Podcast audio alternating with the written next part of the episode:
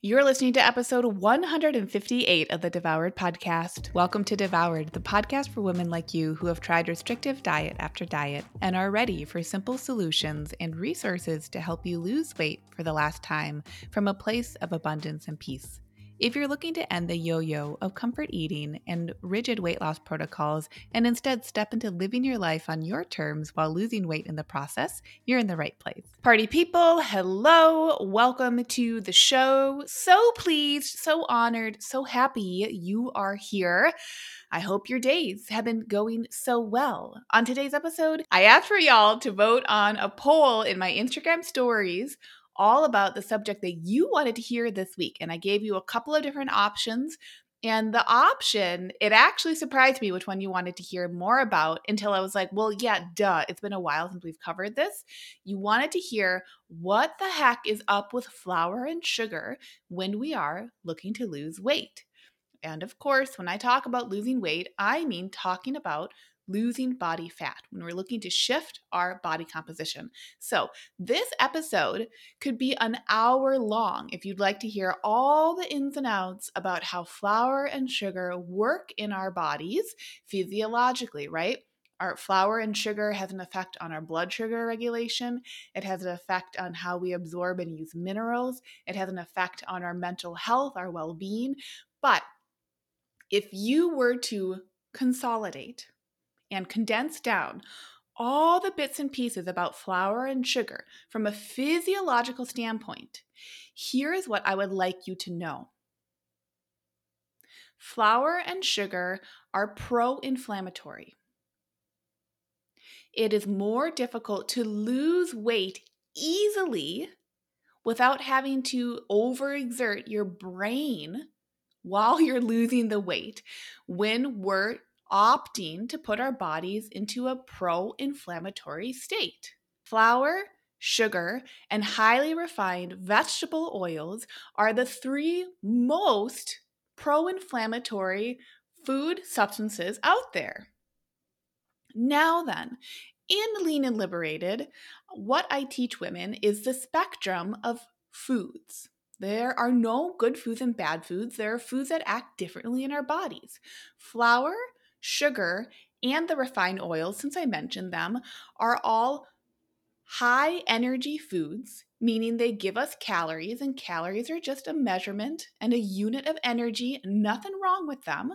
They are high energy foods that our body has to work very hard to process because they are low in nutrients they have like not much nutritive value aside from the fact that they're a big hit of calories. And this is why, from a public health perspective, I would like to say there's absolutely nothing wrong with flour and sugar because there are still way too many people out there who do not have access to enough total calories we need to make sure that if there are products that are more processed, but they are shelf stable, they're readily accessible, and they can be given to people who are not able to live their lives effectively because they are truly underfed, of course, the best thing would be to give them totally nutrient dense food options. But I can never say that flour and sugar are bad because they are calories that are edible. However, when you are looking to lose weight and you have the privilege of having an abundance of food and food choices, and you have the privilege and the honor that you perhaps have created for yourself of understanding and educating yourself around food quality, in addition just to the food quantity, this is when we can have the conversation. What's up with flour and sugar when you're losing weight? When you are thoughtful about it and you combine all the factors, what you'll find is that weight loss will be much easier when you reduce and or drastically eliminate flour and sugar. Now, do not go run out the door and feel bad about the flour and sugar that you're eating. Here's why. What I teach in Lean and Liberated is what you'll find helpful here. And this is what I do. You make your 24 hour plan and you include the foods that you have indexed in your mind because you are a smart, bomb ass woman who is in charge of her life, who is making decisions and then following through in them in her self integrity. You make those decisions knowing all that you know about food and nutrition. You are not kidding yourself that having huge bowls of cereal for every meal of your day is going to feel good because it just can't, because you do the work of understanding what your values are. And most of the time, everyone in there has the value of feeling good, of having their health feel abundant. Well, if we're primarily consuming or feeling the urge to consume foods that are highly nutrient devoid, and are pro inflammatory, they're more difficult on our bodies, that stops being the decision that makes sense. So, simply by bringing loving awareness and bringing all the information that you already know about food and nutrition to your journal, what you'll find is that your nutrition choices that include flour and sugar and the refined oils too are downgraded. Because eating a muffin, let's say, that is just a whammy of flour and sugar, there's nothing around that except good things. But you have to attenuate to that by choosing to show up to that muffin intentionally. And that is what is up with flour and sugar. You can, of course, eat flour and sugar while you're losing weight. You could, of course, lose weight only eating flour and sugar based products. In fact, there's a dude out there, more than a dude, I want to say he has his PhD, he's a teacher, some wonderful echelon there. I will find him and link him in the show notes, who has proven that if you just eat within the caloric range that promotes fat loss, body weight loss, you can, of course, achieve that while eating low nutrition foods. So you can lose weight while eating Twinkies, Little Debbie's, flour and sugar, paleo baked goods. All of those are flour and sugar too. The difference that I want to make sure that all of you understand this week is that we have to take the emotions out of flour and sugar not to say, oh, I can never enjoy it. That's how I take my emotions out. That's a statement that's riddled with emotion. We got to talk about that if that's how you're feeling.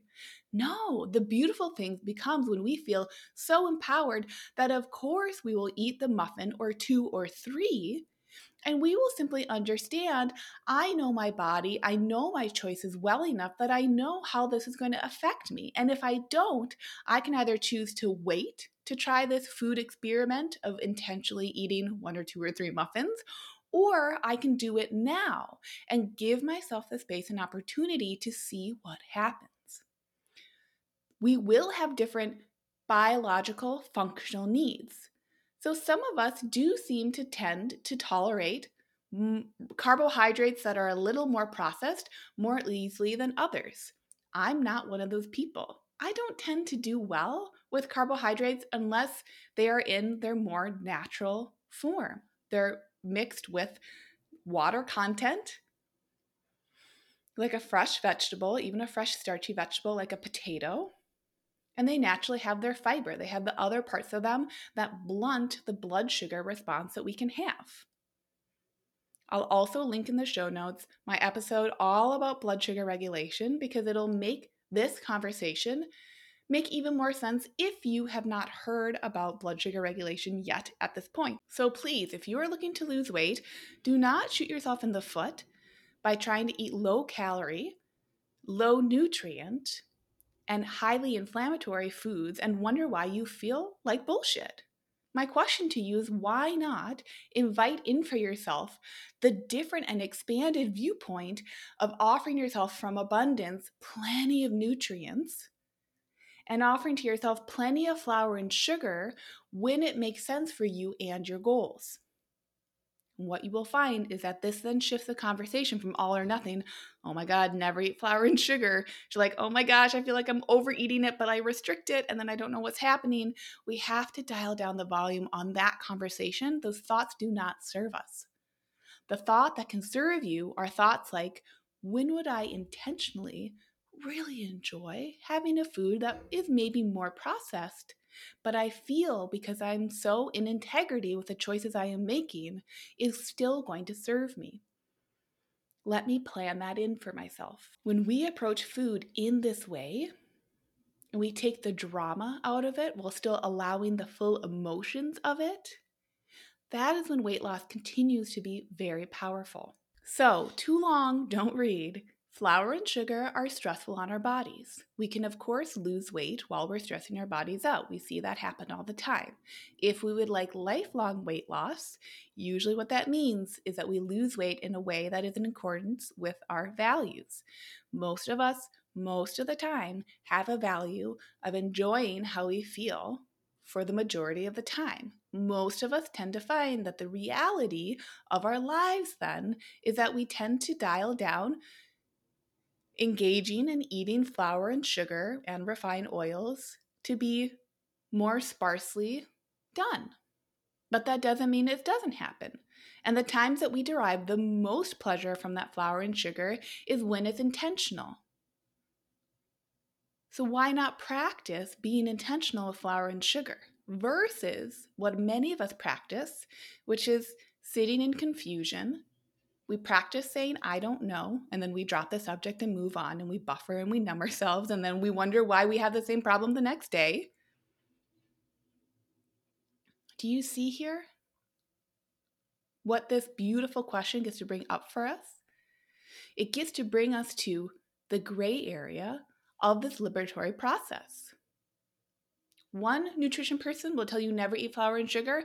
Another will say, of course, you can lose the weight only eating flour and sugar. Those both can be truths, and we can cultivate our own truth by recognizing that there is gray area in all of this. How I handle carbohydrates is different than someone else. How I feel emphasizing protein is different than someone else the amount of fiber that I enjoy eating is different than someone else. Instead of finding that to be deflating or defeating, we get to flip the script and say, wow, isn't that so cool? So I actually have every opportunity to ask myself if I'm losing weight and I'd like to lose it in a way that is even easier, even more streamlined, how can I turn the volume up on that? What does that then show me about how I'm integrating flour and sugar into my life right now? What are the thoughts that I'm thinking? What are the things that I'm believing about my relationship with food that is reinforcing a feeling of stuckness or is reinforcing a feeling of liberation? Because all of this conversation, the end goal is to have your life be designed by you, given the realities and the truths of being in a bag of humanness, which is your body, of understanding your own truths, tuning into those, grieving them, celebrating them, being different, and allowing yourself to proceed forward because of it, not in spite of it, not being blocked by it, but rather sinking into even more you-ness. You might have an autoimmune condition. You might have a different story. You might just be really unique and different. I want you to honor that this week and really start to dig in. How am I creating my proof of my own liberation? How am I moving out of self preservation into self expression? How am I giving myself the opportunity to make this simple? When we practice those thoughts instead of the other thoughts, oh my God, flour and sugar, this and that, just know flour and sugar are stressful on our bodies. It can be as simple as that. And they're stressful because they're pro inflammatory for all the reasons I just shared. When we approach food in this way, you will find over and over that it is radically simple. Radical simpleness is not radical ease. The ease is the part that we work on. The ease is why we do the thought work. The ease is why we do the belief work. And when we have that powerful combination come together, we are unstoppable because we are tuned into our bodies in their majesticness. And that, my friends, is a huge foundational part of actually living sovereignly in your liberation. So I hope this episode was so damn helpful. Go ahead, take a screenshot of the episode in Apple Podcast or wherever you're listening to it.